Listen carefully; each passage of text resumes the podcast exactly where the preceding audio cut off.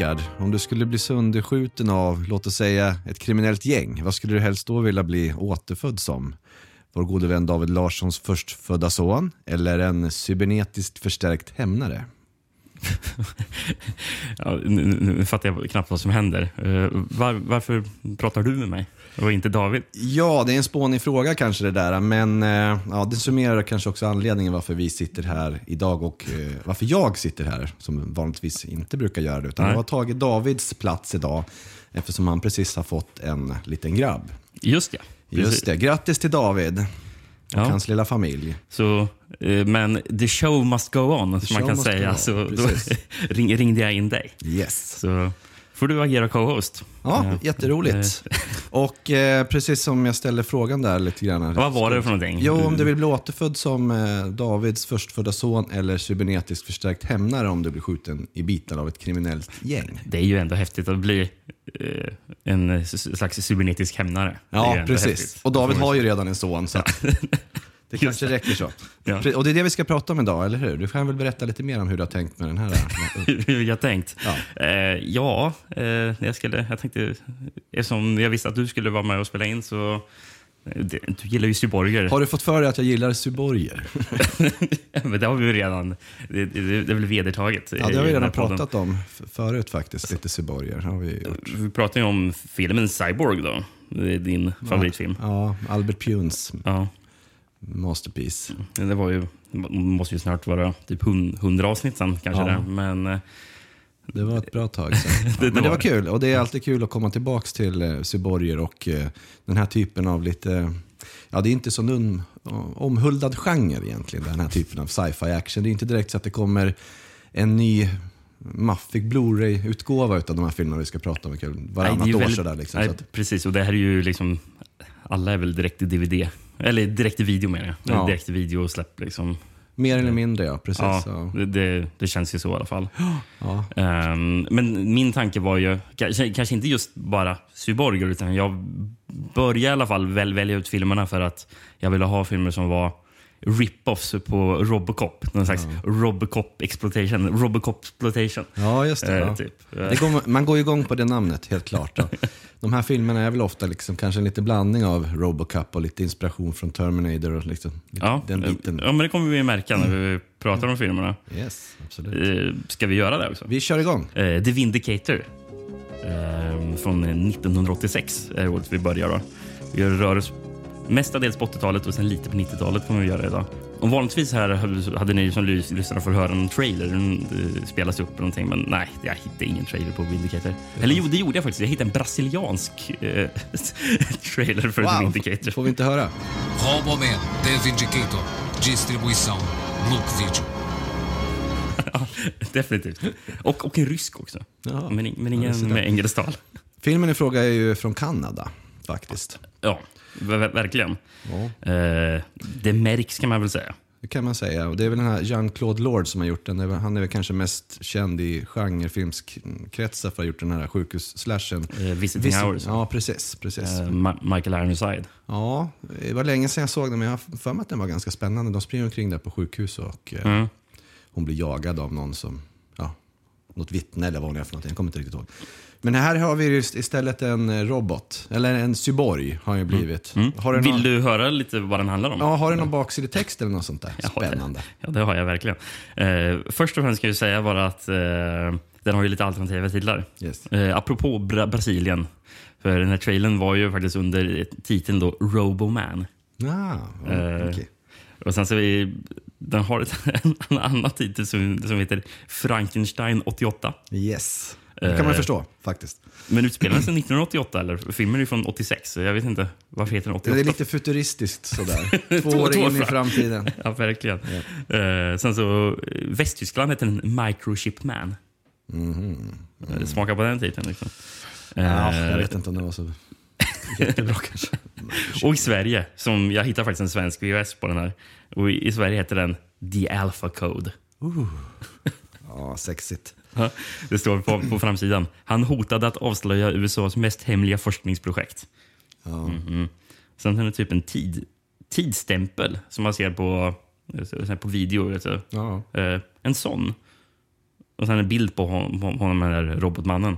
Och sen står det Alpha Code. Jag vet inte vad det ska innebära. Nej, Men det var i Sverige den hette Alpha Code, eller? Ja. Ja. Men det är ändå, ja, precis. Jag, aldrig, jag känner inte igen att jag sett den någonsin. Så där, så jag tror jag aldrig hade hört talas om den här filmen innan, Men, innan vi- såg den här. Då. Men att den eh, kallas för Frankenstein 88 k- känns ju ganska uppenbart. För det är ju väldigt mycket Frankenstein över den här filmen. Och, ja. Eh. Jag vet inte om baksidan nämner det. Nej, den nämner en annan man. Du ska hö- höra här. Okej. Går det verkligen att skapa en reservdelsmänniska? en, en människorobot där bara hjärnan är verklig och levande?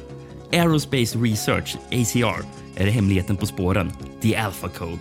Men en av deras forskare, den unge lysande begåvningen Carl Lehman, hotar att avslöja allt. ACR låter dem råka, råka ut för en olycka inom citationstecken. Eh, och den hänsynslösa forskningsledaren, eh, forskningsledningen använder hans hjärna för det slutgiltiga experimentet med en mänsklig varelse. Experimentet lyckas oväntat nog och Karl vaknar upp till sin gamla värld, men i en ny skepnad. Han har samma känslor, kärlekshunger. Vadå, Kärlekshunger, va? och drömmar, men omvärlden upplever honom som en modern elefantman. Chocken att kastas ut i ett ingenmansland blir svår, men Karl upptäcker också att hans nya kropp har oerhörda krafter som man kan utnyttja för det enda som återstår. Hämnden. Ja. Det, jag tror inte jag hade tänkt på egentligen hur mycket Frankenstein det är över Robocop också. Innan jag såg den här filmen. Ja. Den här filmen kom i året innan Robocop. Så att den kan ju på något sätt kanske ha inspirerat Robocop istället. Paul Verhoeven kollade på The Vindicator bara, Ja, men det kanske fanns liksom i pipelinen någonstans att man tittade på det som hade släppts och tyckte att, ja, eller jag vet inte. Hur som helst. Så, så den här med att en monster på något sätt vaknar till, när mänskligheten vaknar till liv inom konstruerat. Det, det påminner ju faktiskt ganska mycket om Frankenstein och även samma element finns ju i Robocop, att det, mänskligheten vaknar till liv igen. Så det, Ja.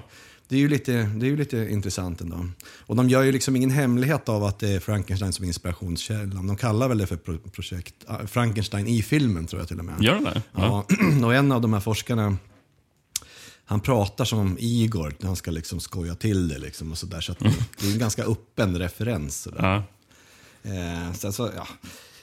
Det, är ju, det som är speciellt med den här dräkten, det är väl egentligen en dräkt som ska användas när man är ute i rymden, va? landar på ett Ja, Mars jag, jag tror det var någonting sånt sånt. eh, Ja, så att man ska klara sig i alla klimat och, och, och så vidare. Men den har också en eh, självförsvarsprogrammering. Eh, så att om någon rör vid en, jag vet inte egentligen om det bara rör vid en eller om det är på något aggressivt sätt, då, då börjar den här eh, dräkten att skydda en genom att spöa upp den personen. Det här är någonting som Vad var syftet med det egentligen? Jag vet inte, det verkar skitdumt om man liksom kommer åt varandra i rymdraketen eller vad som helst. Alla började slåss. Ja, ja precis. Men en det- annan speciell sak med dräkten det är att eh, den är designad av Stan Winston. Ja, precis. Eh. Ja. Precis, och det hade man ju kanske hoppats på att det, han har gjort en jäkla massa specialeffekter effekter till Jurassic Park och allt vad det nu är. Men man hade kanske hoppats på att det skulle vara lite mer av den mm, grejen i den här filmen också. Lite mer specialeffekter. Till exempel så är det ju ganska öppen chans att skapa ganska coola liksom, går-scener skulle jag säga. När den här dräkten försvarar sig då liksom. Eh, och att han skulle liksom bryta sönder folk och såna grejer. Men det gör han ju inte riktigt. Utan är, han, han boxar ner dem lite sådär Ja. snällt. Och jag tycker väl att det, om man ska säga det som är det som är lite tråkigt med den här filmen det är att det aldrig kommer igång med någon speciellt mycket action. och Filmen är ju otroligt puttrig. Ja, den såsar Det- på liksom. Och man tänker sig, för att eh, Pam Grier kommer ju in då och blir liksom då... Jävlar vad överraskad jag blev när hon- hon dök upp. Vad, vad, vad liksom. fan är hon med i den här filmen? Ja, Ja, det är helt missade. Hon är en prisjägare som heter Hunter. ja, det är fantasifullt. Men då tänker jag så här, nu, hon har ju något team också, men det är lite hårdingar som ska jaga han den här Syborgen. Men då tänker man, nu blir det ju fart. Men det, det blir ju inte heller. Det enda hon gör, hon är ju skitvidrig. Jag tror att hon har ihjäl två tonårstjejer. bara Liksom, utan anledning egentligen, på det brutala sätt. Så att hon är bara en vidrig Ja. tjej helt enkelt. Ehm, Men jag sa, det märks att han är kanadensisk. Ehm, Dels, delvis namnet på regissören, Jean- Jean-Claude Lord, eh, hintar väl om det. Eh, Sen så, eh, Paul Sassa är det som gjort musiken. Ja. Och han är väl kanadensare. Ja, ja. Mm. Någonting jag hittade när jag kollade upp, eh, som vi ju pratat om Paul Sassa flera gånger i podden, till exempel The Brain pratade vi senast om. Mm. Och sen så har han gjort musiken till To Catch a Killer. Mm, okej. Och sen så har jag ju givetvis My Bloody Valentine och Prom Night. Men någonting som jag, inte, som jag tror inte har nämnt tidigare, för jag har inte märkt sett det tidigare tror jag. Att Paul Cézanne har gjort musiken till den här klassiska julfilmen A Christmas Story. Jaha, ja, ja. Det- det är han. Ja, det är kanske hans claim to fame, hans Ja. största claim to fame. Sen, Nej. sen eh, apropå bara kanaden- kanadensare. Eh, killen som har fotat, René Vertier. Okej. Eh, han har ju fotat eh, Rabid of Unknown Origin Ah, och. Mm. Rituals. Så, så här, ja, kanaden, Kanadensiska genrefilmer. Ja, precis. Ja, han har jobbat lite med Cronenberg och sådär. Men Mm. jag tror att det var lite inavel i den här skolan lite grann. Där. Det tror jag nog definitivt var. Eh, ska vi se. mm, Sen kan jag ju säga att jag tycker inte att den här filmen sticker ut varken fotomässigt eller musikmässigt eller Nej. sånt. Nej, Antingen det- väldigt plain. Ja, Han, han liksom går runt och, och, liksom försöker komma på någon form av, jag vet inte. Han försöker liksom eh, lista ut vem man är lite sådär. Det tar för lång tid. Han träffar någon barn på någon, på någon skrotgård sådär som man blir lite kompis med. Och det är väl också liksom en referens till Frankenstein, för det gör väl han också. Who are you? I'm called Carl. Who are you? Starfighter Bobby Wilson. Are you from outer space? Yes. Do you know E.T.? Sure. Men liksom det, det tar liksom aldrig fart. riktigt. nej, och det kanske man kan skylla lite på manuset. Eh, det är två, två stycken som har varit inblandade där. Delvis Edith Ray, som har gjort filmer som Space Hunter, Adventures in the Forbidden Zone. Mm. Ja, ja. Ja. Mm, och den andra, David Preston, eh, känd från Scanners 3. ja just det. Ja. Eh, sen så också känd från Space Hunter, Adventures in the Forbidden Zone. Ja. Eh, men mest fascinerande var David Preston. Han stod ju på IMDB som senior story editor på Lassie-tv-serien från 97 till 99. Ah, ja, ja. men det kanske... Det var nog bra stålar i, i Lassie Ja. Sen kollade jag upp... eh, han, eh, kände du igen eh, han som spelar eh, den här Carl Lehmann, huvudrollen? Nej, den jag kände igen egentligen mest det var ju Richard Cox som spelar liksom skurken. Ja, han det. är med Mm. Cruising och Zombie High och sånt där. Men, men han den här, dels är han ju döljd av Matt, eller av Carl heter han väl i filmen va? Han är ju döljd av den Ja, Carl, ja, här precis. mask stöld av filmen. Men nej, jag David, David McElrafe. Ja, okej. Nej, men han är ju känd från storfilmer som Hollow Man 2. Ja. Eh, och, eh, Den är också kanadensisk produktion tror jag. är det? Jag tror jag mig nästan. Ja. och eh, en film som jag inte visste existerade. Cruel Intentions 2. ja, den måste man kolla upp. Med en ung Amy Adams i tidig roll. Där. Jaha, ja, ja. Så där, så där. Eh, jag tänkte att vi skulle göra så här att för varje film vi har sett av de här så ska vi ta ut det vi tycker är den hårdaste Syborg-scenen. Den bästa Syborg-scenen i filmen. Okej. Eh, och eh, jag kan börja, och jag tycker den bästa Syborg-scenen i den här filmen är när eh, då Karl, heter han väl, Ja. knugglar ihop en bil med en snubbe inuti. Han trycker ihop han liksom, Ja, ja. bilen med killen inuti liksom, så han blir krossad där inne. Då ger det ju ändå liksom en viss bild att det här är, det här är en direkt med väldigt mycket styrka i och sådär. Mm. Jag hade velat haft mer sånt så hade det här kunnat bli riktigt kul. Ja, Liksom. men, ja, men verkligen. Eh, ja. Har du någon, någon egen favoritscen eller? Jag tyckte inte det var någonting som stack ut Inget riktigt på den här. som... Nej. Eh, Det verkade inte folk tycka som såg den heller. Den här verkar ha gått på någon slags bio i alla fall. Eh, Mm, ja, men jag, jag vet, det kan inte stämma. Det står budget 4,2 miljoner dollar. Eh, och sen så står det här. Cumulative worldwide gross. Jaha. 12 000 dollar. Oj. hoppas inte det stämmer, för det är helt sjukt i så fall. Ja, jag tror det är svårt att få ut de där siffrorna också. Liksom. Jag menar 8000, eller vad sa du? 12, 12 000 dollar från en budget på 4 miljoner Ja, dollar. nej, det känns ju väldigt konstigt. nej, men jag kan tänka mig att den floppar eftersom jag, man liksom aldrig har hört talas om den knappt. Sådär. Ja, ja. Eh, den, den ser ju också ut lite mer som en typ en 90-talsfilm i den här blå, blåsvarta inramningen. Mm. Sådär väldigt, väldigt liksom dassig och sådär. Så att den känns ver- verkligen inte som en film från, från 86. Den brukar, Nej. den brukar vara mer färgsprakande. Liksom. ja. ja färgsprakande är ju inte den här filmen. Nej, Direkt. definitivt inte. Who do you think you're jerking around, White? Men apropå färgsprakande, hade du något mer att säga om den här Nej. soppan? Eller ska vi gå vidare? Vi, Till- vi kan gå vidare till året efter. The Retaliator. An experiment is about to happen that will change the course of history. Gentlemen, let's move in unison. Her capture was the key to their master plan because she could lead them inside a secret organization. I don't care how you do it. You just keep her alive. They transposed her thoughts, they changed her emotions, and created the perfect weapon. Your greatest fear has come true.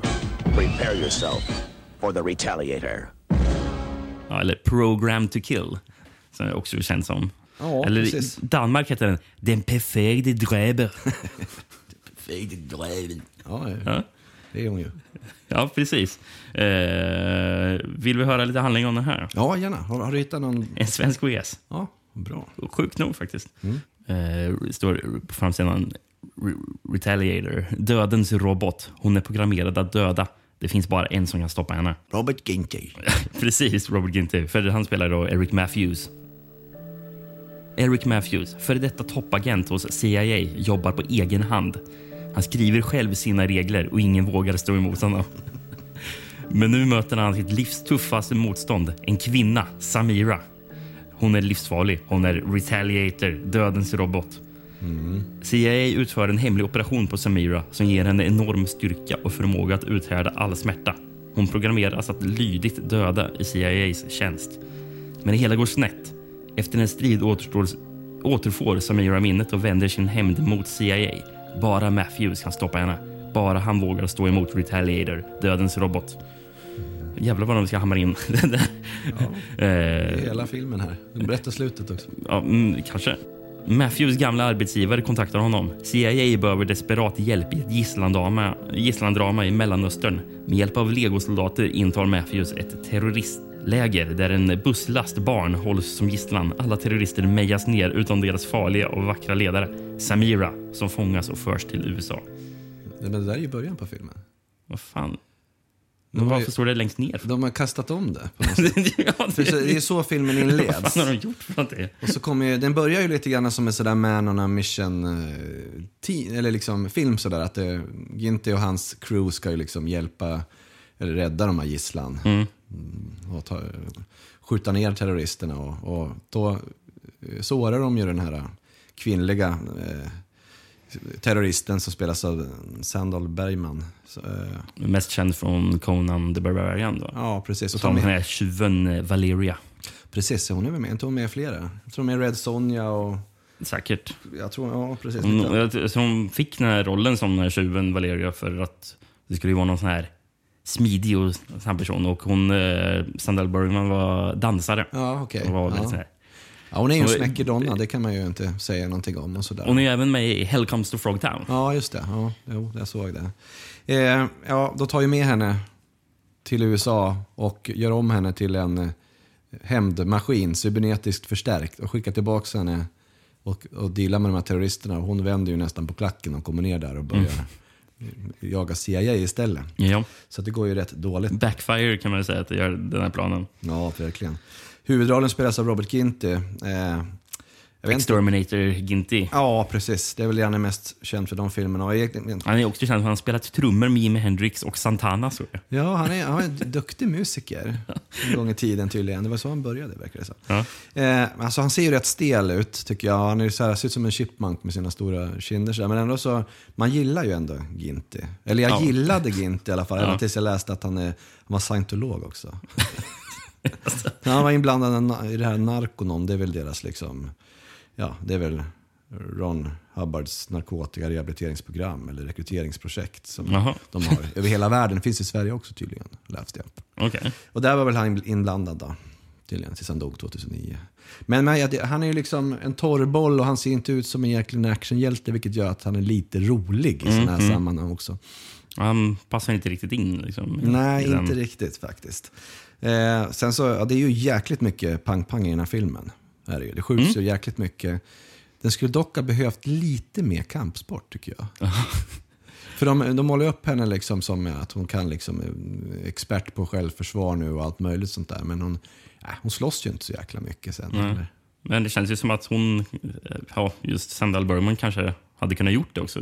Så det är kanske missed potential. Ja, ja. Eh, att man inte ja, låter henne göra det som hon kanske är bra på. Ja, precis. Ja, de hade kunnat få till lite bra grejer där faktiskt. Grejen är att jag tycker den här filmen delar lite av samma problem som The Vindicator. Jag tycker den, den här inte heller liksom kom, tar sig någonstans. Nej, nej. Eh, den bara puttrar på. Ja. Även fast det här är mer action än den här. Så Den är ju det- lite bättre den ju, och det är ju för Ja. att det är lite mera, li- lite mera fart och sådär. Men jag kan hålla med om att det blir liksom aldrig något crescendo mot slutet riktigt och sådär. Och den det, liksom bara det går vidare. Det, det, det, det, var, det var ett tag jag, jag eh, ja, men det känns som att filmen snart är slut. Jag tänkte, oh, skö- skö- skönt. Eh, och, och, och sen så kollade jag hur mycket, hur mycket av filmen som hade gått. Ja. Slagen av häpnad. 43 minuter och 30 sekunder. Jag tänkte, Ja, vad ja. är det som händer? Ja. Nej, men då är det lite småsegt faktiskt. Ja, jag tyckte sen så jag, jag tycker väl att det är ganska skönt att den är, den är ju väl, den är gravallvarlig hela tiden. Det är den liksom. verkligen.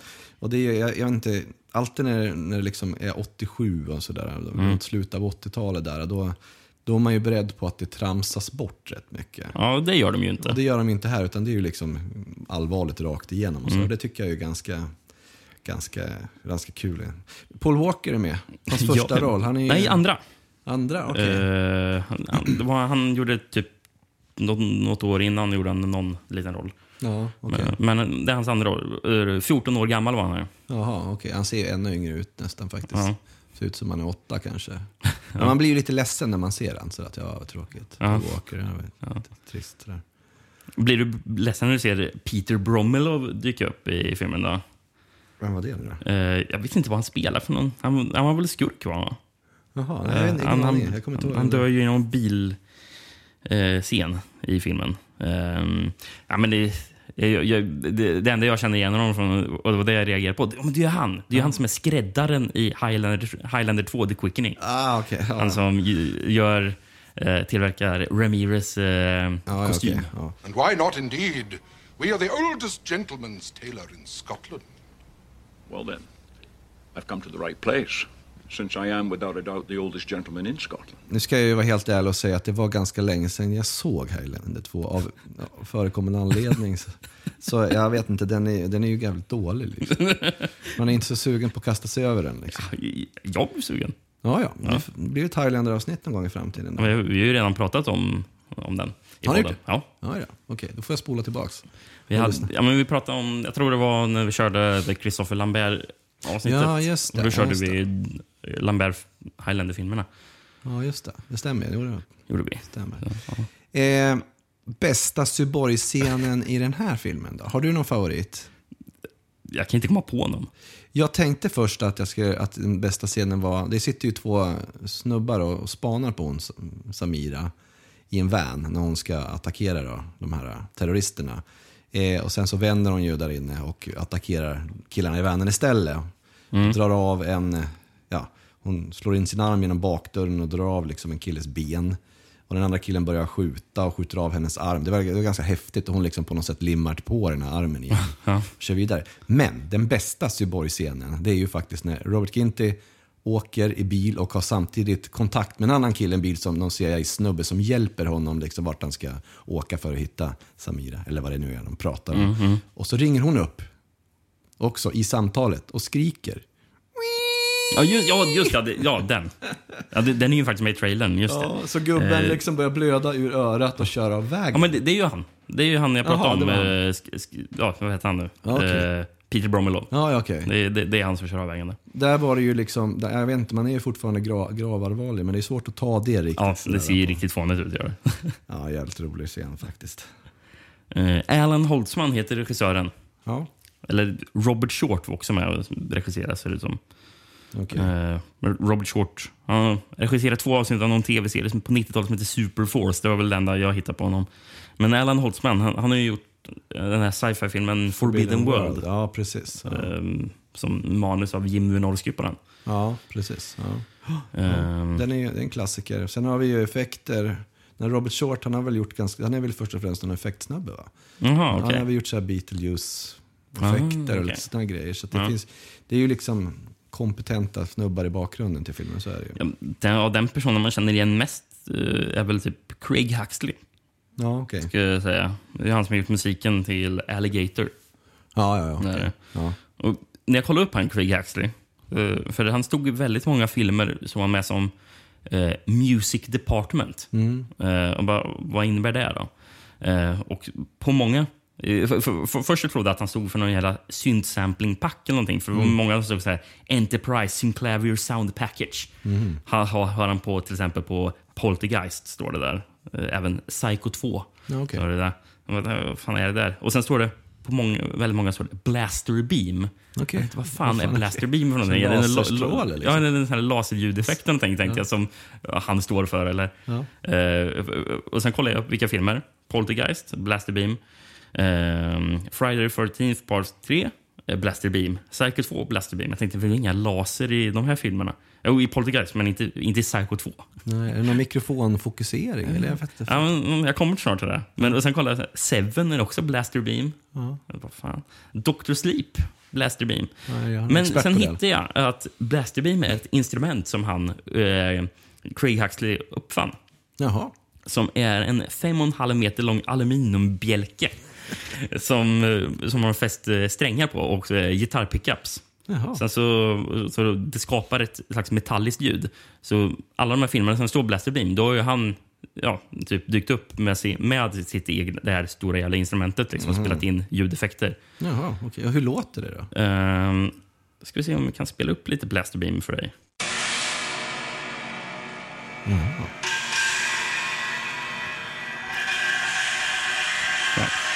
Så låter Blaster Beam.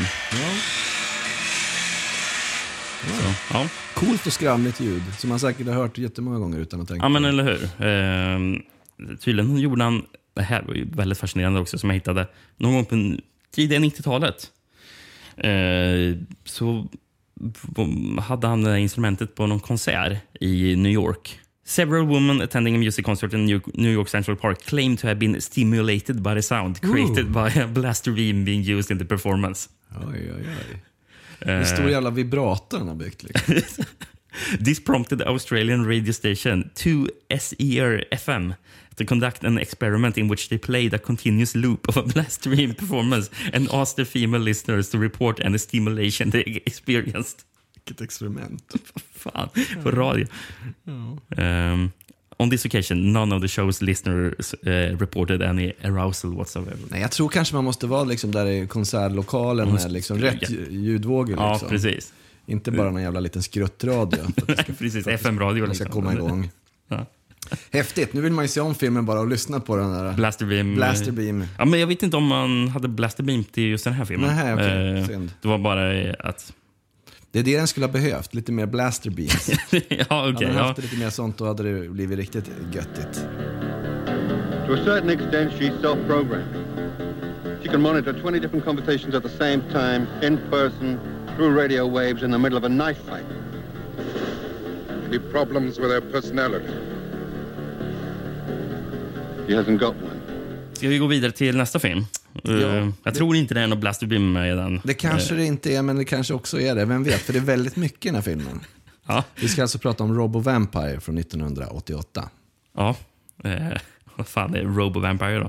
Eller i Portugal heter den Accordo Macabro. Mm. Och vad kan det betyda? Makabert avtal. Det är det ju. Det är det ju. Har, har du hittat någon nå, nå baksidetext? Jag har det. Okej, från... Eh, en amerikansk VHS.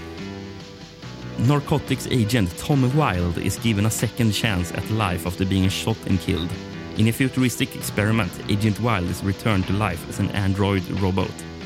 He, he is sent on a very dangerous mission into the depths of the Golden Triangle to rescue Sophie, a beautiful undercover agent who has been captured by the evil drug lord, drug warlord Mr. Young and his inhuman creation, the Vampire Beast. In a climactic battle, Tom must use all his robotic powers to defeat the savage drug lord and his monstrous blood-sucking creation. Tycker du det stämmer in på vad filmen handlar om? Ja, delvis. Det, är ju, det, det händer ju. Sen händer det ju enormt mycket mer annat också. Det här är ju ändå liksom en film som man faktiskt kan lyfta ut ett narrativ ifrån. Det är ju inte alltid det är så i den här typen av ja, cut and paste-filmer som det här brukar kallas för. Där man har tagit alltså en, en gammal film och sen sagt in liksom nya scener. Precis. Men den här filmen är ju faktiskt regisserad av Joe Livingstone. Yes. Eller ja, Godfrey Ho. Som man, Det kanske man skulle tro, ja. Men så är det inte. är det inte det? Nej, det, där, det där är lite speciellt. Jag ska försöka förklara det Okej. där. Jag har ju försökt nu att, forska i det här så mycket som jag bara kan. Liksom. Men det fanns faktiskt två separata bolag eh, i Hongkong under 80-talet som var väldigt lik varandra. För var inte det Triarch? Eller Ja, det här är? Triarch, men det finns, det finns även ett eh, bolag som heter IFD. Som drevs av eh, Joseph Lai och där Godfrey Ho eh, jobbade. Filmmark eh, leddes av en annan kille som heter Thomas Tang. Eh, men båda de här bolagen spottade ur sig en jäkla massa ninja cut and paste filmer. Eh, ja, vilket innebar egentligen att de köpte in en färdig film från typ Thailand som det är i det här fallet då med Robin. Ja, vad hette den där filmen som eh, de har tagit ifrån nu? Eh, den heter så mycket som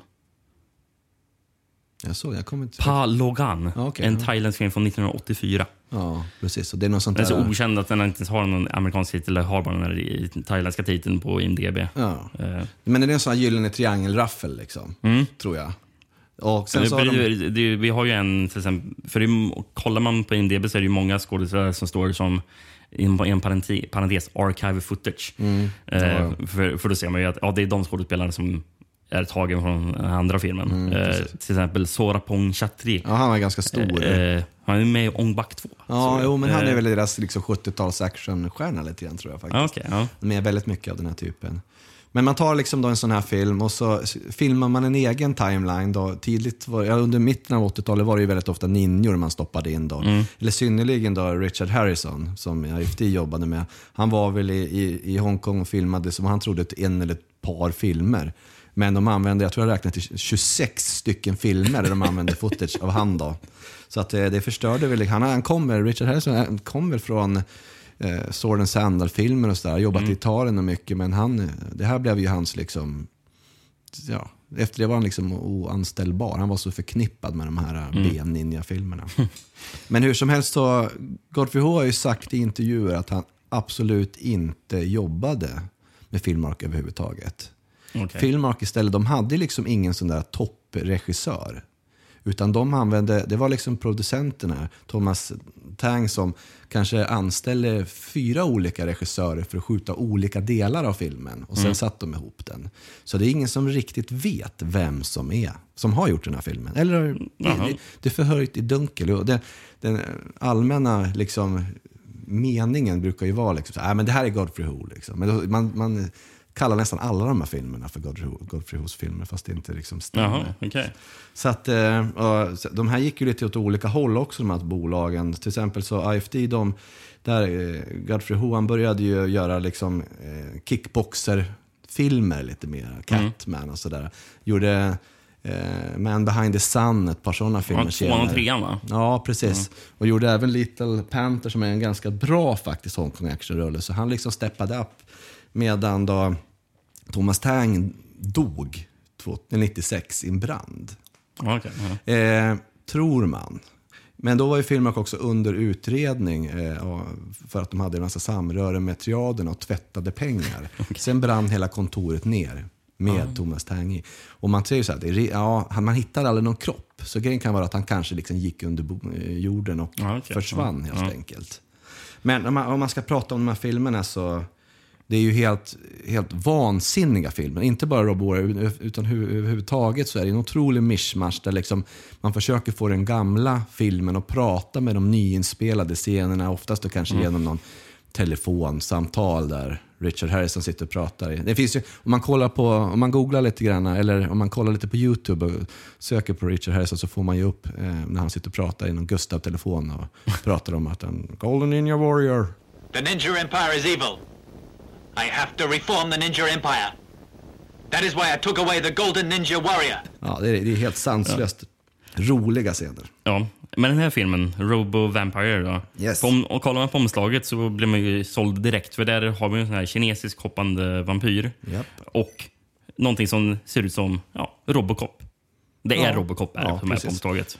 Och det här var väl lite grann som italienarna jobbade, att man beställde väl kanske, man gjorde affischen lite grann innan och sådär. Och alla de här filmerna har ju enormt coola liksom, eh, posters. Liksom. Mm.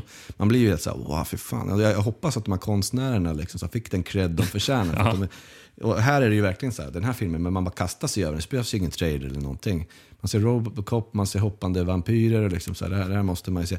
Sen så kanske liksom inte innehållet riktigt över han stämmer med. Ja, men, eh, omedelbart börjar ju filmen, eh, känner jag, som att, att det känns som en slags Bruno Mattei i djungelaction. Ja. Eh, det, det, känns väldigt mycket som det skulle kunna vara typ Strike Commando eller? Ja, det var lite Eh, så. Och så är det faktiskt en del i filmen, så jag känner bara fan det skulle kunna vara en, en sån film. Ja. Eh, så. Eh, Men sen har vi ju dock att vi blandar in att det kommer ju någon slags rob Robocop-figur. Ja. Inledningsvis Alltså, det den ju... den ser inte ut som Robocop som, som man gör på omslaget. Nej, den ser rätt så dålig ut i, i filmen sen. Han ser ut som en, man man gjort en sån här hemmagjord liksom halloween-dräkt. I aluminiumfolie Ja. typ. Liksom. Extremt roligt faktiskt. Men det som är Ehm. kul lite grann, det är ju att det jag tycker ju att eh, det egna-filmade Eh, nej, materialet men vi har ju till i filmen är faktiskt det, vilket är också är ungefär 70% av filmen, vilket är väldigt, väldigt mycket för att vara en sån här typ av film. Ja, för jag kollade eh, bland annat som, som vampyr. Ja. För allt det här med vampyren måste väl vara det egenfilmade? Ja, det är det ju. Det är som Ja. inspirerad av Mr. Vampire. Precis. Ja. För jag läste att eh, som vampyr står det i skådeslistan uh, uh, Sun Chien. Ja. Mm, han från Venomob. Ja, ja, precis. Som är skorpionen i Five Deadly Venom som vi pratade om senast. Det kanske är så, jag vet inte riktigt sådär. Mm. Nej, men han står i alla fall med där som.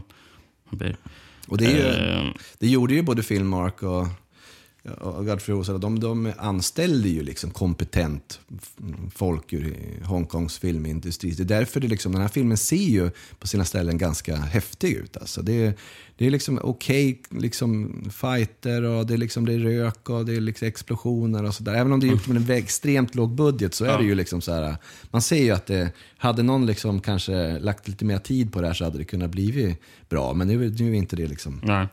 det man har gått för. Men den här, det kommer ju in den här Robocop-inspirerade Suborg-plotten sen och, och så blandas det liksom ihop ännu mer. Sådär. Och man är, det, det tar väl först en halvtimme innan det kommer någon... Men jag Suborg- fattar alltså som, för, för tidigt så har det varit lite dialogutbyte som jag bara, jaha, är det här vad filmen kommer att handla om? För, och det, det låter ju så jävla dumt. För det är en Mr Young som säger We must find a way to deal with Tom, that goddamn an- anti-drug agent. och säger den här andra killen, What are your plans boss? Och han säger, Mr Young säger I've hired a taoist. He'll train vampires to deal with him. Så de, alltså, så, så, så de har en tao, taoist-munk som ska träna vampyrer för att slåss mot DEA-agenter. Ja. Och det är roligt att de är accepterade. Bara, ja, ja, okej. Okej. Ja, men det låter bra, vi köper det. Liksom. Det är liksom ingen big deal. Liksom. Sen hoppas det igång då. Med betoning på hoppa. Ja, eh, och det är kanske, ja, ska, man, ska jag välja ut en eh, cyborg-scen för den här filmen Ja, så väljer jag där, eh, när den här roboten står och och sen så är det massor med en, en, en cirkel av hoppande vampyrer Ja. som håller på att hoppa runt, hoppar omkring honom. Ja, just det. Det ser så jävla fånigt ut. Ja, det är så jävla roligt. Och den gör det ju flera gånger också. Ja, det. Först är de nere på någon strand och så kommer de och hoppar runt han liksom i en ring. Det Mm. är då han sen blir sprängd i, i, i, i luften sen och så bara tar de in honom på labbet och, och tejpar ihop honom och säger he malfunctioned. Och så, så bara svetsar de lite grann på hans ben sen är han igång igen. Men jag måste spela upp dialog eh, från vad jag kanske var min favoritscen i filmen. Eh, som inte är någon cyborg, men det är när spöket för... eh, det är ett spöke som dyker upp och jag pratar med den där munken. Så jag ska spela upp lite dialog för, så du får höra. How dare you take my lover's corpse towers and turn him into a vampire beast? Now he is condemned to a living death, and we can never be together in the afterlife. But he is from the east and you the west. How can you explain it? Orientals are a stubborn race, and both his parents opposed our marriage. It was then that we decided if we could not be together in this life, Peter and I would be together forever in the afterlife. You have robbed us of this by turning him into a vampire beast. Now my only thought is of revenge. Now my dreams have been shattered. I hold you responsible for my misery. Det är helt fantastisk leverans av den dialogen från henne. det är imponerande. Och hela den där subplotten är ju väldigt intressant där, eh, som egentligen finns där utan anledning. Det är också ett spöke då och en, ja, vad är han? En form av vampyr som ser ut som en gorilla i ansiktet. Som har liksom haft, som har en kärleksaffär som ska få gifta sig i slutet på filmen. liksom det, jag fattar inte varför. Och, ja, det är så jävla konstigt alltså.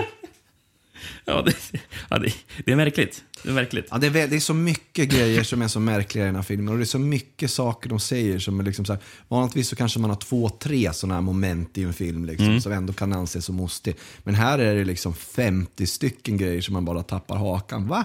Vad säger människan liksom? Som när till exempel när han har blivit dödad, den här eh, Tom då, som blir, som blir Suborg. Då, då, då säger han ju liksom så här, ah, nu när Tom is dead, I want to use his body to create a android-like robot.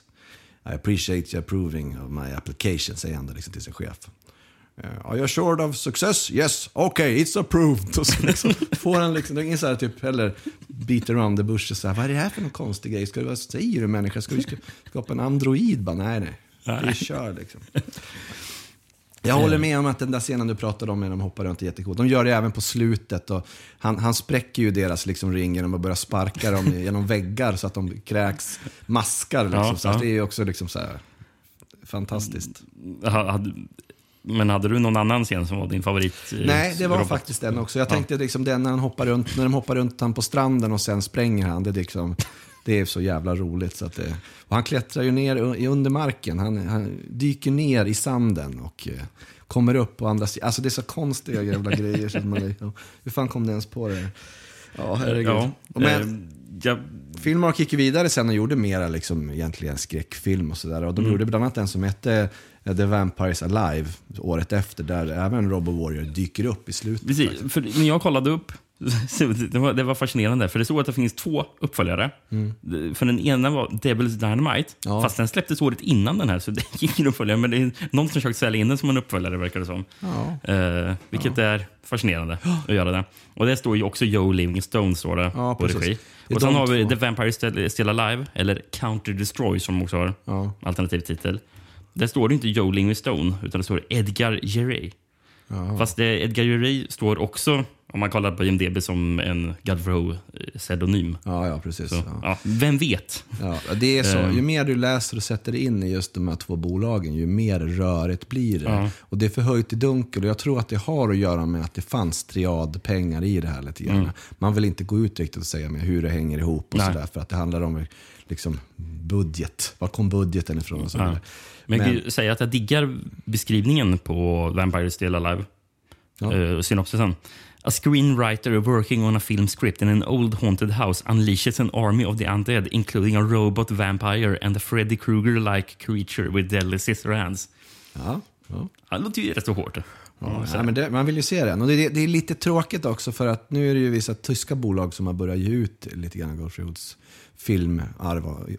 Men den här är ju widescreen-utgåvan finns bara i någon japansk VHS liksom. Annars är det kroppad variant. Amazon Prime har den faktiskt eh, en, en kroppad variant 4.3 där man inte riktigt, ser vad som händer.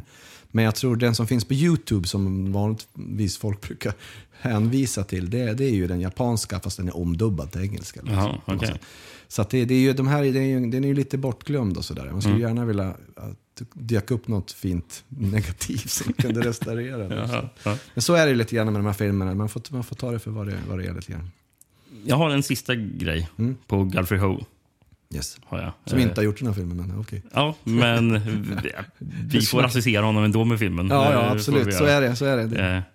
Eh, eh, ja, men, eh, som, jag ska dra lite pseudonymer. Ja. Eh, han, han heter ju egentligen Chi Kueng Ho. Yes. Eh, men vi har ju Joe Livingstone som sagt. Ja. Och sen så har vi William Palmer. Ja. För det står också. Eh, men här kommer det ett gäng. Tim Ashby. Dunkeen Bob Bauer. Andy Berlin. Dwight Bollinger. Eric Coleman. Hans Coltman. Coltman. Robert Edison. Ja, det var bra. Antonin Gassner. Larry Hutton. Ja. Carmel Johnson. Ted Kingsbrook. Ja. Godfrey Strong. Ja.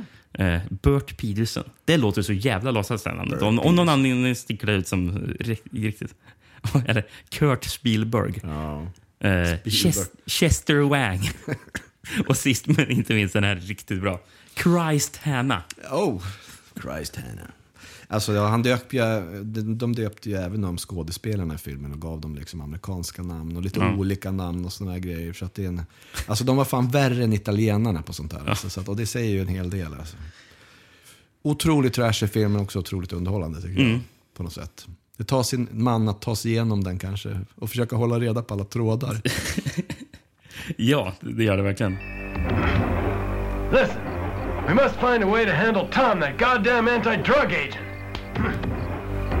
Boss, what are your plans then? I've employed a Taoist. He'll train vampires to deal with him.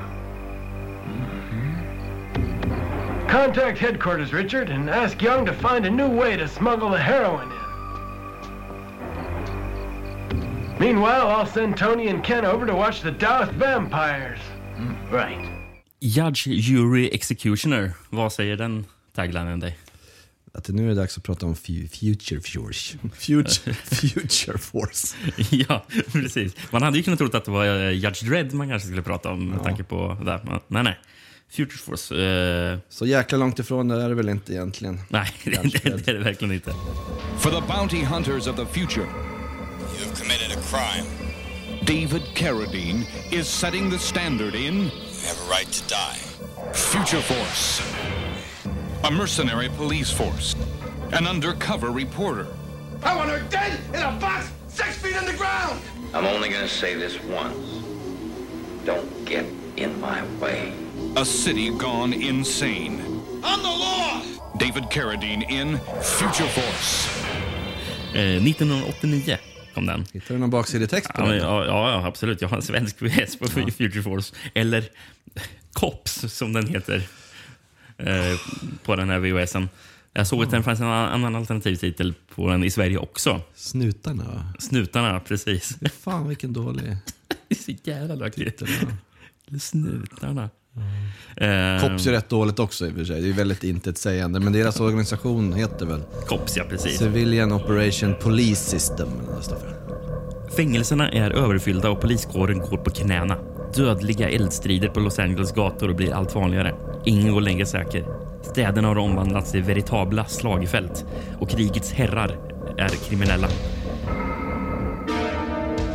Allmänheten kräver en förändring. Poliskårer landet över läggs ned och istället låter man pri privata bolag se till att lag och ordning efterlevs. Ett av dessa bolag leds av Tucker, en tuff och respektlös snut. Så småningom börjar brottsligheten återkomma under kontroll, men priset man fått betala är, hög, är högt.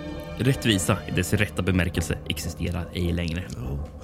Men leder den? Jag trodde han bara var en av Ja, det trodde jag också. Det stämmer liksom. väl inte att han leder den? Nej, det är Han ju... är väl en framstående prisjägare? Ja, det är han väl. Han är liksom en legend liksom. Det är ju ett jävligt fascistiskt system där, tycker jag. Alltså. Med och det verkar extremt lätt att hacka också vem som ska vara liksom Ja. efterlyst. Man bara går in på en dator och skriver in, haha, Och helt plötsligt har den här... death. Liksom. Ja, precis. Helt plötsligt ligger ett Bounty på någons huvud. Liksom.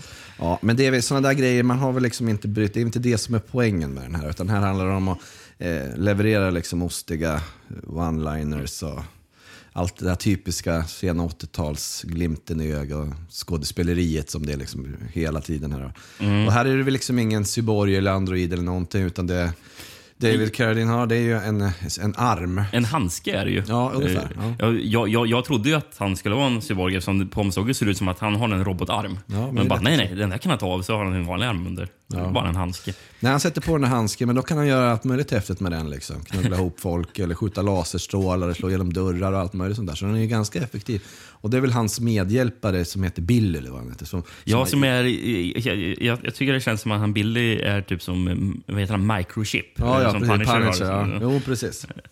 Eh, Ja, huvudrollen, alltså David Carradine, alltså, eh, han ser ju märkvärt liksom dryg och ointresserad ut. Jävlar vad trött han ser ut. Alltså han gör ju alltid det. Alltså frågan är inte om han såg, alltså, han såg säkert drog och ointresserad ut han hängde där i garderoben i Bangkok också skulle jag tro. Alltså. Han är ju alltid den här liksom, eh, han ser ut som att Ja. liksom, han har hamnat fel liksom, på något sätt och tycker det är skittråkigt. Ja, men han ser otroligt ointresserad ut. Ja. eh, Gör han. Precis. Ehm, Men sen är det ju ganska mycket ostiga och roliga grejer i den här filmen. Liksom, Mm, så ja, men den är ju underhållande, det får jag ju lov att säga faktiskt. Det utspelar sig ju i det framtida året 1993 tror jag. Ja. De säger väl i början att 91 börjar det gå åt helvete.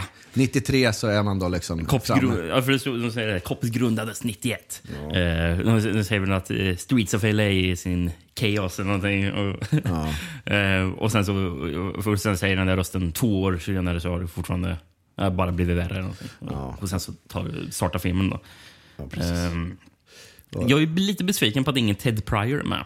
För Nej. filmen är ju gjord av David eh, A. Pryor. Ja, precis. Eh, som, Som gjorde Deadly Prey. Ja. Ja, och Robicide som vi pratade om också. Mm, eller Killer ja. Workout. Och även Sledgehammer, Mm. shot on video-filmen. Mm, ja. Det har jag inte sett. Det är egentligen bara Deadly Prey som jag har sett. Ja, det- Mm. Men i de här filmerna är ju, är ju Ted, Ted, hans bror, alltså med. Ja. Eh, är ju väldigt underhållande. Men den här dyker han inte alls upp. Här var han inte med. Nej. Däremot så är det ganska mycket roliga scener i den. Faktiskt. Det det. Det finns ju ett exempel som jag tycker är lite kul när, när eh, Tucker, då, som Karolins karaktär heter, de är ju på en snutbar eller strippklubb, eller både och kan man väl säga. En strippklubb där de sitter och kollar på TV. Ja, precis. På nyheterna. Och där är en nyhetsreporter då, samma nyhetsreporter som han sen räddar livet på. Då, men, Ja, är, Eh, det hon som är Roxanne? Eller? Ja, precis. Jag tror det.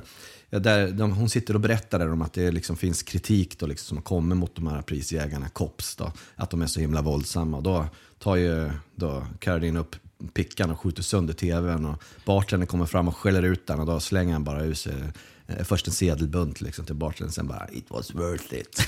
och alla bara applåderar och tycker han är så jävla hård. Liksom. Marion var förresten reportern. Okej. Roxanne är den där um, Ja, just det, Bounty Huntern. Tjejen som man får hjälp av där, som också är en Precis. bounty hunter. Ja, Precis. Eh, Ja, men han, han, han har väldigt mycket så här, hård snutjargong. Garredin, så här, drar, Mm. Till exempel när han säger till den här reportern så säger han bara “Welcome to the street honey”. Ja, ja. Oh, det är Ja, hårt men det det här. är- Ehm, Det är ju liksom ostig liksom one-liner. Det är liksom bara travat. Hela filmen är ju det. Det är ju liksom som att det inte finns någonting annat. Det är ju nästan lite tröttsamt. Liksom, men också, ja det är lite kul också faktiskt. Mm. Eh, ja, om man ska plocka ut liksom en bästa Syborg-scen i den här Jag filmen en- så är det, här. det är ganska enkelt att plocka. Faktiskt tycker jag. För om det är samma som du syftar på.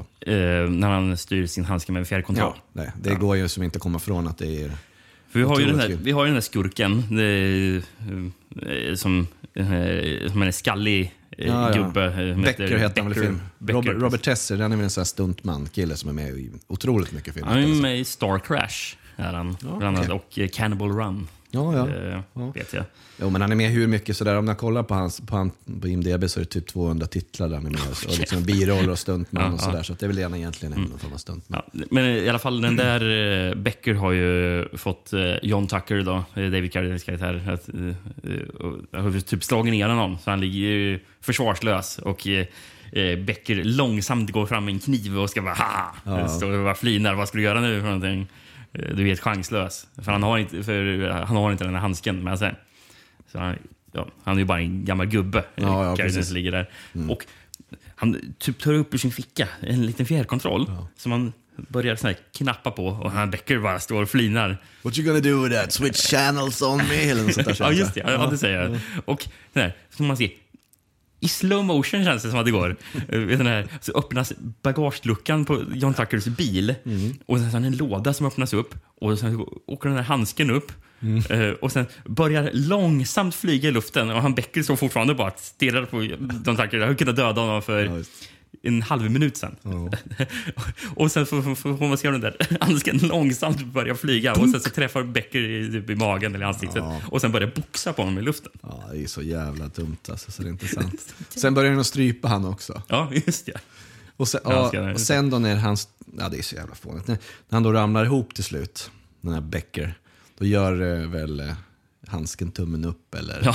sånt där fånigt liksom. Nej, det är så dumt. Så. Ja, det är ju, men det är ju definitivt det som är... Men jag hade inte sett den här filmen innan, men var, den där scenen hade man ju sett. Liksom. Ja. Det är sån där som brukar dyka upp i så best worst movie klippserier liksom. Och såna grejer. ja, men det, den är faktiskt fantastisk. Den. Ja. Sen så Eh, skjuter han lite med laser och sådana där grejer, men han gör väl inte så jättemycket med den där handsken egentligen, sådär, förutom det, det där. Liksom. Nej. Och slutet är ju lite tråkigt. Det där, är kom, det där är ju typ kanske, när det finns en kvart, 20 minuter kvar av filmen, den där den där scenen kommer. Sen, sen efter det så blir det väl liksom inte så mycket mer. Ja, vi har ju den där som kanske den här onda skurken som är bakom Becker. Mm. Eh, Mm. Hur han ehm, får den här eh, Cops mot sig. Ja, precis. Eh, det känns lite eh, Ro- Robocop ändå. I, Ja. i hur den här Ja, ja precis. För att Eh, det är ju så att... Eh, får sen komappens i slutet. Där, liksom.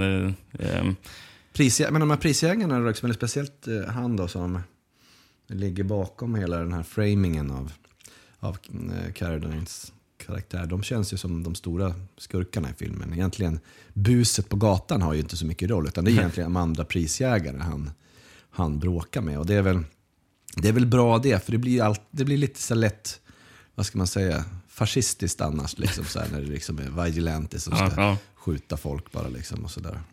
Så att, ja. Ja. Mm. Jag, tycker, jag tycker det här är en ganska dålig film egentligen, så där, men det är fortfarande Ja, underhållande Men den, den, nog. jag, Liksom, jag, att, jag tycker att den här är mer underhållande än eh, de två första filmerna, Vindicator och eh, ja, eh, Retaliator. precis.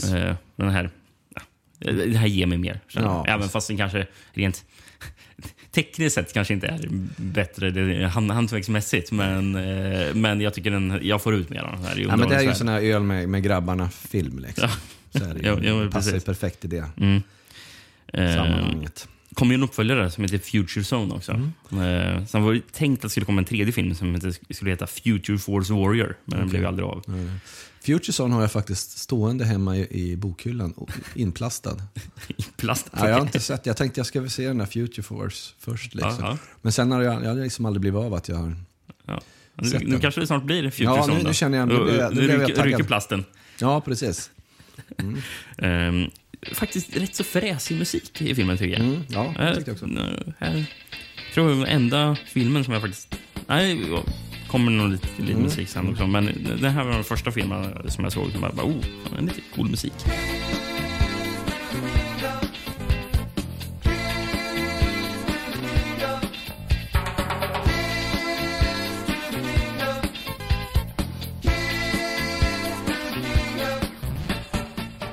Vem är det som har gjort den? Det står massor med personer, men det verkar vara Timmy James och Steve McClintock som har eh, gjort de här låtarna som är med i filmen. Det är ju en del såna här rocklåtar som är med, Mm. jag tycker det är kul. Eh, Det står performed by Steve McClintock eh, vocals på flera av dem. Eh, så, Får en tumme upp av mig, Future Force. Ja, det får väl en tumme upp av mig också faktiskt. faktiskt eh, en, en rolig liten bagatell sådär. Den är väl förmånligt kort också tror jag. Bara så här. 1,20 eller någonting. Ja, Ja. sånt där. Vilket är skönt. Så går det snabbt. My name is John Tucker, COPS. You've committed a crime and been found guilty. You have the right to die. Apropå filmer som eh, är sköna. Ja, ska vi gå vidare till nästa? Yes. Stanna kvar 1989. Japp. Eh, Men vi åker till Italien. Jajamän. Eh, vilket är alltid roligt. Eh, vi ska prata om Psy Warrior. Yes. Jättedålig titel. Cyborg, ja det är en ganska intetsägande titel också. Man Mm. tror ju att det här ska bli riktigt eh, tokröj, men det är väl snarare en buddyflick mellan en pojke och en android. Ja, det kan vi säga. Har du någon Italiensk origin- Ja, då har jag.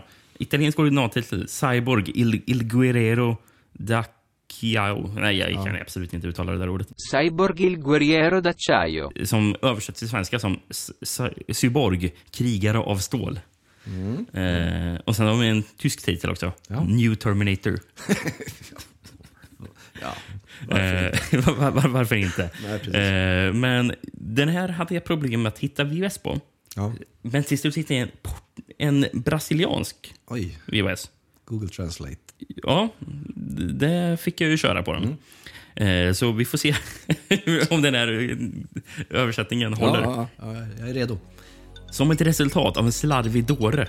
Ett, ett extremt farligt komplex. Ett mycket destruktivt krigsvapen. Släp av ett skepp från marinen i USAs öst och prototypen för den framtida soldaten. Konstruerad på det identiskt sätt som människan. Denna utrotningsmaskin är kodnamn för Psy Warrior. Det största förstöringsinstrument som skapats av människor som nu är utom kontroll. En specialskvadron skickas till en ö av den amerikanska armén för att lokalisera den. Männen, separerade från turister, underhåller Cy Warrior med alla tillgängliga vapen. Men deras försök skärs och leder Cy Warrior till att orsaka en spektakulär förstörelse.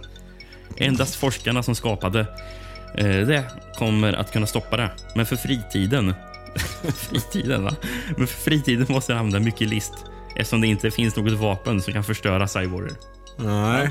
Ja, det är ju Henry Silva de skickar efter honom då. Henry Silva. Om vi tyckte att David Carradine så o- ointresserad ut. Så här ointresserad har jag aldrig sett Henry Silva vara no, no, i någon film. Han Jävlar spelar ju över hela tiden. Han gapar och härjar och skriker. Han är så total förbannad hela tiden. Och Ja, han ser ju också otroligt uttråkad ut. Ja. Jävlar vad inte bryr sig. inte så, det är väl inte så konstigt kanske heller. Eh, det här är ju... Ja, det är ju... Det här är en film som kanske inte har så mycket budget heller, så man hade gärna kanske velat haft lite mera pengar till. Det, den här eh, killen som har gjort den, Gianetto, Gianetto De Rosso. Rossi. Rossi. Rossi. Det är han som har gjort effekterna till mm, Full Chase Zombie, Ja, precis. House by the Cemetery och The Beyond bland annat. Han har väl egentligen bara gjort en annan film, och det är den här Killer Crocodile 2 som han, Han- liksom har regisserat. Han har gjort en till film som han har regisserat. Eh, en barnfilm som heter Tammy. Ja. Från 80-talet. Men apropå det Rossi, jag kollade lite andra grejer här var. Eh, du vet att det kom en Asterix och Obelix-film från 99, eh, sån här live action med Ja. Gerard Depardieu. Men vad precis, franskproducerad då? Ja, det tror jag. ja, Eller belgisk kanske. Ja, något sånt. Ja, kanske. Eh, Genato de, eh, Genato de Rossi som gjorde makeup till den här filmen. Mm. Ja, ja, precis. Ja. Jo, men han är väl så makeup-snubbe. Det var väl därför han fick det här uppdraget, ska jag tro. För, för att det, som har, det som den här filmen har som är ganska bra, det är ju de här när då huvudpersonen, då, den här mandroiden, opererar på sig själv. Som i Terminator. Ja, precis. Då, Eh. och lite olika variationer. Eh, men annars så, just actionmässigt så kommer det ju liksom inte riktigt i, igång där, här heller tycker jag. Det skjuts lite grann, men det blir ju, det är som att man märker att inte pengarna riktigt har eh, räckt till kan man väl säga. Mm. Och det, det är ju Fabricio De Angelis som har producerat egentligen den här filmen också. Och även som han producerade ju, det är Fulvia Film heter väl bolaget, de gjorde ju Fulci-filmer och, Ja. och sådana grejer. Och det här var ju också samma år som, som han sa till Luigi Cossi att, att han skulle strypa alla effekter till Paganini Horror och, och gav han bara en 16 mm kamera och filma den med. Så att, jag tror att bolaget här var ju ganska illa ute under en period. Va? Ja. Där man hade ganska lite pengar. Och det, det säger man, ju, speciellt i slutet på den här Cyber Warrior så blir det liksom ganska tamt. Han, de, det är Mm. liksom lite Rambo-scenario där han liksom gömmer sig ute i bussen och slår ut liksom, eh, specialsoldater där. Men det är ju ganska tamt. Liksom, så Det är det Men De verkligen. bo- boxar till dem lite grann och sådana Ja. grejer. Så det, det, det känns som att här, här var det lite pengar, men ändå så är det hantverksmässigt så tycker jag att det är ganska, ganska kul. Och jag tycker väl att den här buddy flick-känslan mellan pojken och androiden är liksom så lite smårolig ändå. Ja. För, alltså, någonting som kanske inte är så roligt är ju den här pojken i och för sig. Ja, för alltså, den här sabla ungen är ju fruktansvärd. Ja, naturligtvis ska det vara med en så större liten unge som i vanlig ordning förmodligen är liksom dubbad av en kvinna. Ja, Har sånt där äckligt fluffigt hår som eh, Giovanni Fressa, alltså Bobby, ja, jag, jag, den här ungen är ju sämre än Giovanni Fressa tycker Se, jag. dess- dessutom ser ungen ut som Hillary Swank. Fast en liten pojkversion. Ja, Nej, ja, men, ja, riktigt gräslig faktiskt. Boy, you don't know how lucky this is, mister. Now I can take you home and show you to all my friends. You know that bunch of idiots didn't believe me? Hi, my name's Brandon Scott. What's yours? Okay, you don't feel like talking? Well, never mind. It's just that I, well, I'd like to ask you a favor. See, there are these friends of mine. Det är nog visst med Italien och usla barnskådisar. Ja, Alltså, det, de är som sämst där på något sätt. Han, Frank Sagrino heter väl han som, Eh, som spelar. Sa- Sagarino. Ja. Vi pratade ju senast om honom i, om den här n- italiensk-nordkoreanska Tenzan. Ja, det var han Var ju han med. Och även vet du, Striker var ju Frank Sagarino också med. Var det han som hade blivit kidnappad av nordkoreanerna eller något Nej, det var inte han. Nej, okej. det, var, det inte. Eh, Det var någon annan eh, för den filmen. Eh, Men Frank Sagarino var väl typ skurk i Tenzan har jag för mig att han var. Ja. Men här är han då cyborgen. Ja, han är typisk Eh, surfsnubbe-figur i alla fall, känns det. Blond och, Han är väl från Miami tror jag jag läste också. Sådär. Okej, ja. Och han är, han är ju, jag tycker han ju passar ganska bra som att vara liksom en cyborg. För han är ju väldigt eh, stel. Ja, men han är, han är liksom, jo men sen så, han är ju sådär nästan överdrivet kantig och bildskön på något sätt. Sen är han ju inte så bra på att skådespela. Till exempel när, i början när han ska, liksom, ja, första delen av filmen när han liksom då kommer upp ur havet då, ungefär som den här tjocka zombien i, i Zombie 2 och, och sen då liksom ska försöka bekanta sig med mänskligheten. Och han går ju runt ungefär som han dansar elektro eller någonting. Liksom så, alltså han skulle bli inspärrad direkt, folk skulle tro att han var helt galen. Liksom. Ja. Sen blir det lite bättre, han sätter sig och läser någon jävla lexikon om mänskligheten där. Och han, ser, han ser ut som en gammal printer. Som... Ja, man sitter och läser jättemånga, han har en trave med böcker som man sitter och läser igenom. Skannar igenom. Ja, visst. Sen, sen efter det då kan han bete sig lite som folk och börja gå mycket mer mänskligt och sådana grejer. Ja, ja, för han rör sig ju jättestelt i början. Eh, och sen så rör sig mindre stelt efter ett tag. Jag vet Ja. inte riktigt. Mindre robotlikt liksom. Ja, precis. Är det för att han lärt Ja, till exempel, som, vi har ju den där pojken då. Och sen har vi hans äldre syster som börjar bli en slags kärleksrelation med den. Ja, jag tänkte nej, den det, det får inte bli en sexscen, det är bara för knäppt liksom. Men de går ju ut och dansar. Ja. Den är, är, det, är det där som är min favorit eh, robot cyborg-scen i filmen? Då eh, cyborgen ska ut och dansa samba. Ja, just det. Eh, Först dansar han som en kvinna och vickar på rumpan och säger nej, nej, nej, så ska du inte göra. Just det. Ja. Jag kom- Jag såg förresten soundtracket av Lanfranco Perini. Ja. Eh, Med, med på soundtracket så var det ett spår som heter Cyborg Samba. Cyborg Samba. Ja, de är ju nere på någon ö sådär, Karibien någonstans. Ja, jag vet inte var, var de är, jag vet inte om de säger det någonstans, men det är ju den miljön i alla fall. Vilket är Mm. lite Eller typ mysigt. Sydamerika skulle det också kunna Någonstans vara. Mm. Men, men de säger Island flera gånger tror Ah, jag. okej, att ja. är med på Nej, min bästa Cyborg-scen i den här filmen är nog när han eh, reparerar sig själv efter att ha fått en brännskada och drar fram en verktygslåda ur magen. där han har massa pincetter och skruvmejslar och grejer. Och så, Ja. så har han även en, en burk med något klägg som han häller över liksom sin hud så den blir som ny igen. Ja, sådär. Det, är ju, det, där märks det liksom att han, regissören, är att han får, det är det här egentligen han, han tycker är kul att pyssla med. Ja, det här ja, blir men som bäst. Liksom. På regissören, vet vad mer De Rossi har på sina credits. Ja, berätta. Eh, han var boom operator på Emmanuel in America. Boom operator. Ja, ja, ja. Ja det, är, det är hans, inte hans claim to fame tror jag. Mm. Även, även om han lär ha sett ganska mycket då. Han stod där med mikrofonen eller vad man gör. Ja. Ja. Det här, det här är ju det är ju en kul film. Det är en- Alltså, den här filmen hade ju faktiskt inte jag sett förut. Även om man försöker spåra upp den här typen av italiensk skräp så har den här inte distribuerats speciellt mycket Nej. på DVD eller Blu-ray eller något sånt där i alla fall. Vad jag har, vad jag har sett. Nej, man får hålla, hålla tummarna för det. Att Mm. den dyker upp. Ja, precis. Eller nej, ja, jag vet inte om det är så jäkla noga att den här dyker upp. Men det är en kul liten bagatell Ja, i alla fall. Det är det ju. Och liksom så här, stabilt italienskt ha- hantverk och ganska cool musik också tyckte jag. Ja, ja men faktiskt. Musiken är häftig. ja precis. precis. I want to make this very goddamn clear. Understand this? I do not want any errors. When I leave here, in my suitcase, I want pieces of the humanoid. Sir, I'm afraid with all these people around here, it's not going to be easy to capture him. I didn't say a goddamn thing about capturing. Look, when the humanoid comes within firing range, open up, fire, destroy him. Is that clear? Do I make myself clear? Am I being stupid? You understand me? You understand English? God damn it! Let's go! Eh, ska vi hoppa fram till det underbara 90-talet? Ja, apropå kul bagatell. Ska vi prata om... Ja, 95 åker vi till då. då. Och ska prata om filmen Digital Man. In our distant future, a military machine designed to prevent war Digital Man is the model of the perfect soldier. has been programmed to start one. That D1 unit aboard that ship has the launch codes for 250 nuclear missiles.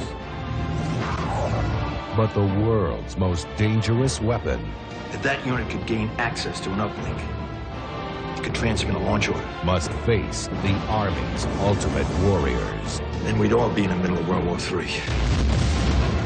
in a final battle to save our world. En titel som heter duga. Ja, men det är en bra titel. Och jag hittade inga alternativa titlar, för alla tyckte väl att Digital Man, ja men det är bra. It says it all. Precis.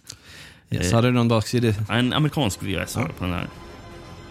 Digital Man is the future's ultimate military machine designed to take on an entire army single-handedly and win. Now is fully operational, fully armed and totally out of control.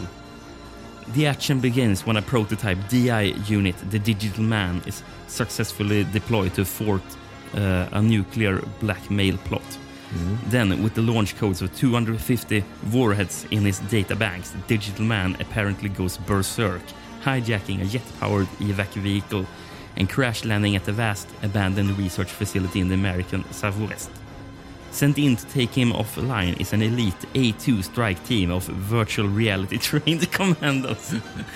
Uh, the squad's first problem bring down a D1 battle cyborg packing enough firepower to start World War III. Their second problem some of the squad's own members may be less than human. It's a high tech showdown beyond your wildest dreams, a state of the art computer generated special effects Åh, de är snygga. combined with explosive combat action in, in this head spinning sci-fi action spectacular. Woo!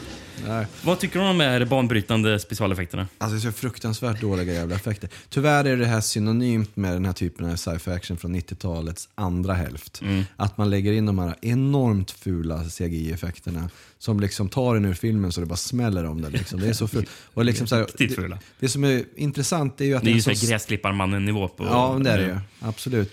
Och det är en sån stor kontrast också mot resten av specialeffekterna i filmen som faktiskt är ganska hyfsat bra tycker jag.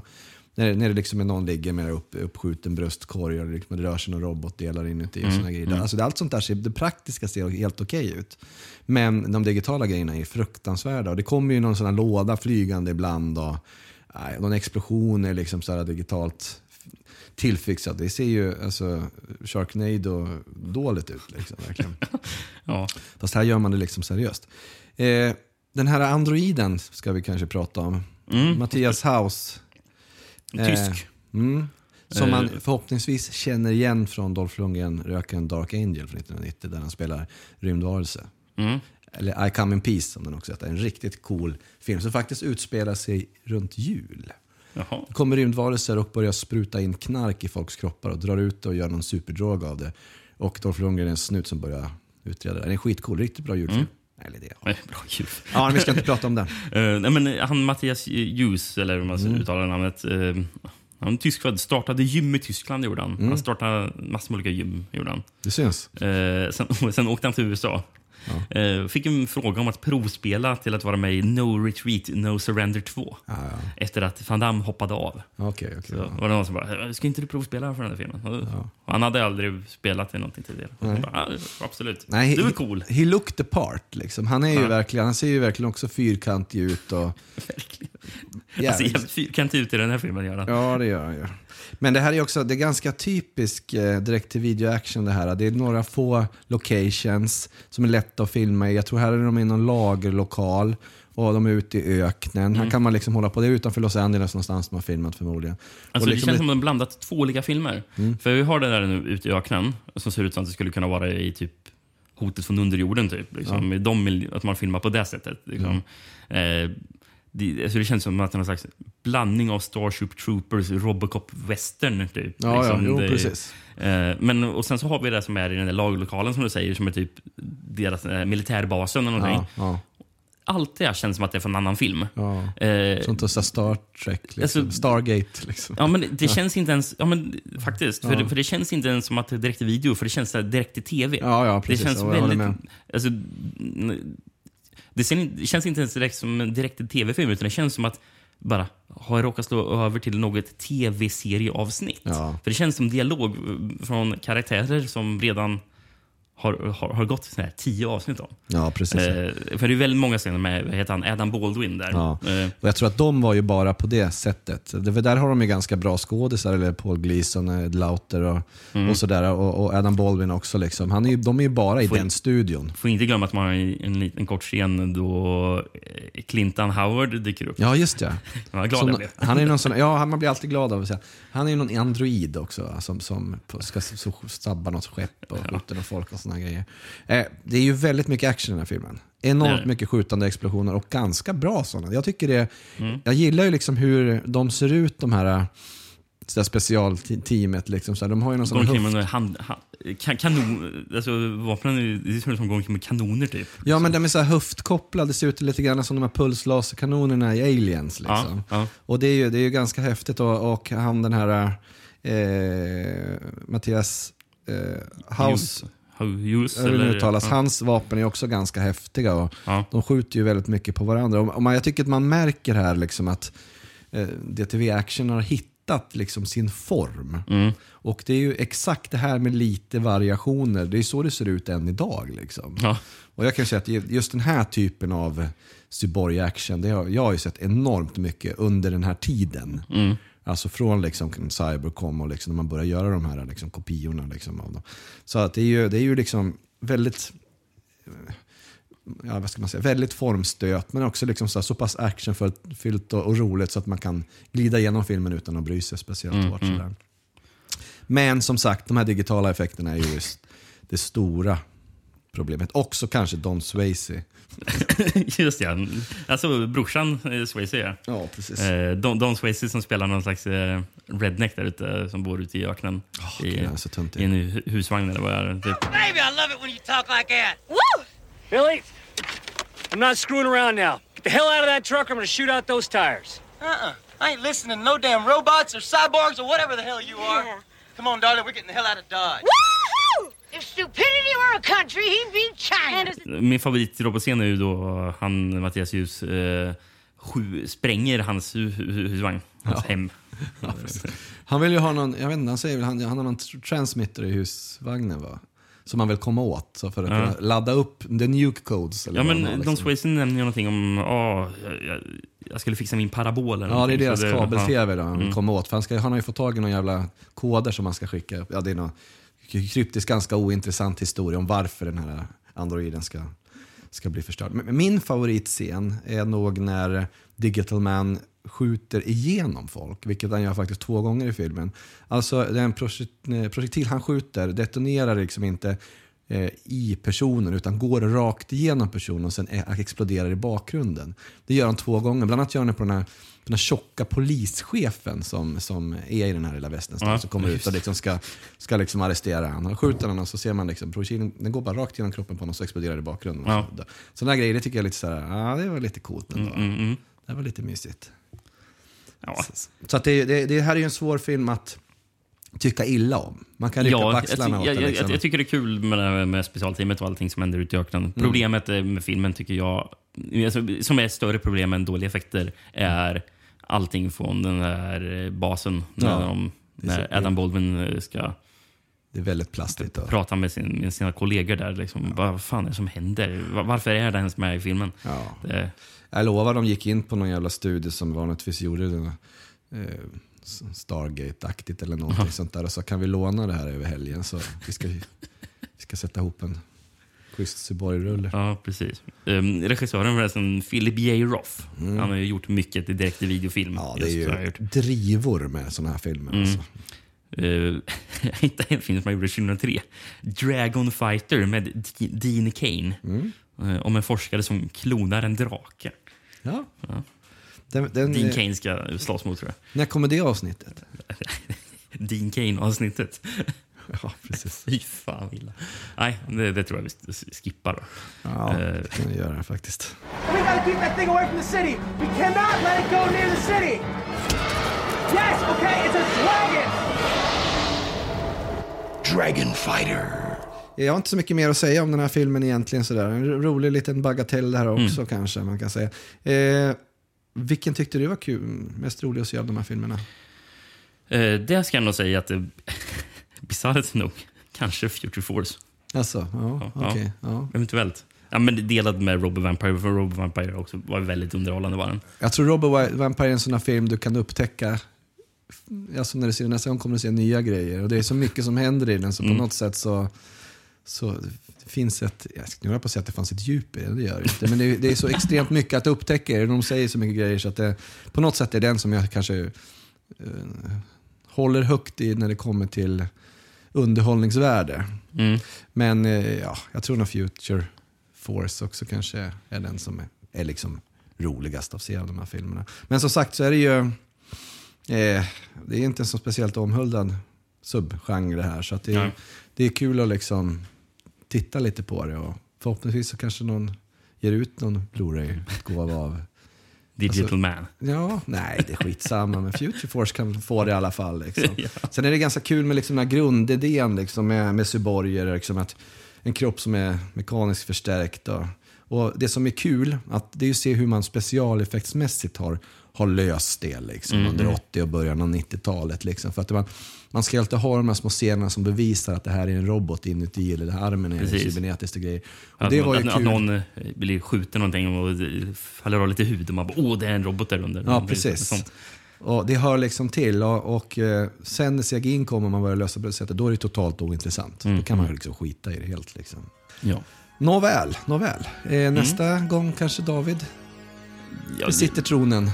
Ja, eller annars får du göra det igen. Jag vet faktiskt inte hur, Nej, vi får se. Vi får se. Hur, hur, hur det ser ut. Nej. Men Har du något, kan du... jag, jag vet inte ens vad nästa avsnitt ska vara om. Nej, okej. Eh, Så det, det kommer vi på. Genom re, re, re, på, på resan till nästa avsnitt. Ja, precis. Eh, Men ja, vi, vi, vi får se helt enkelt. Ja, kul att vara med som alltid. Ja, kul att du tittar förbi. Ja, tack. På återseende. På återseende.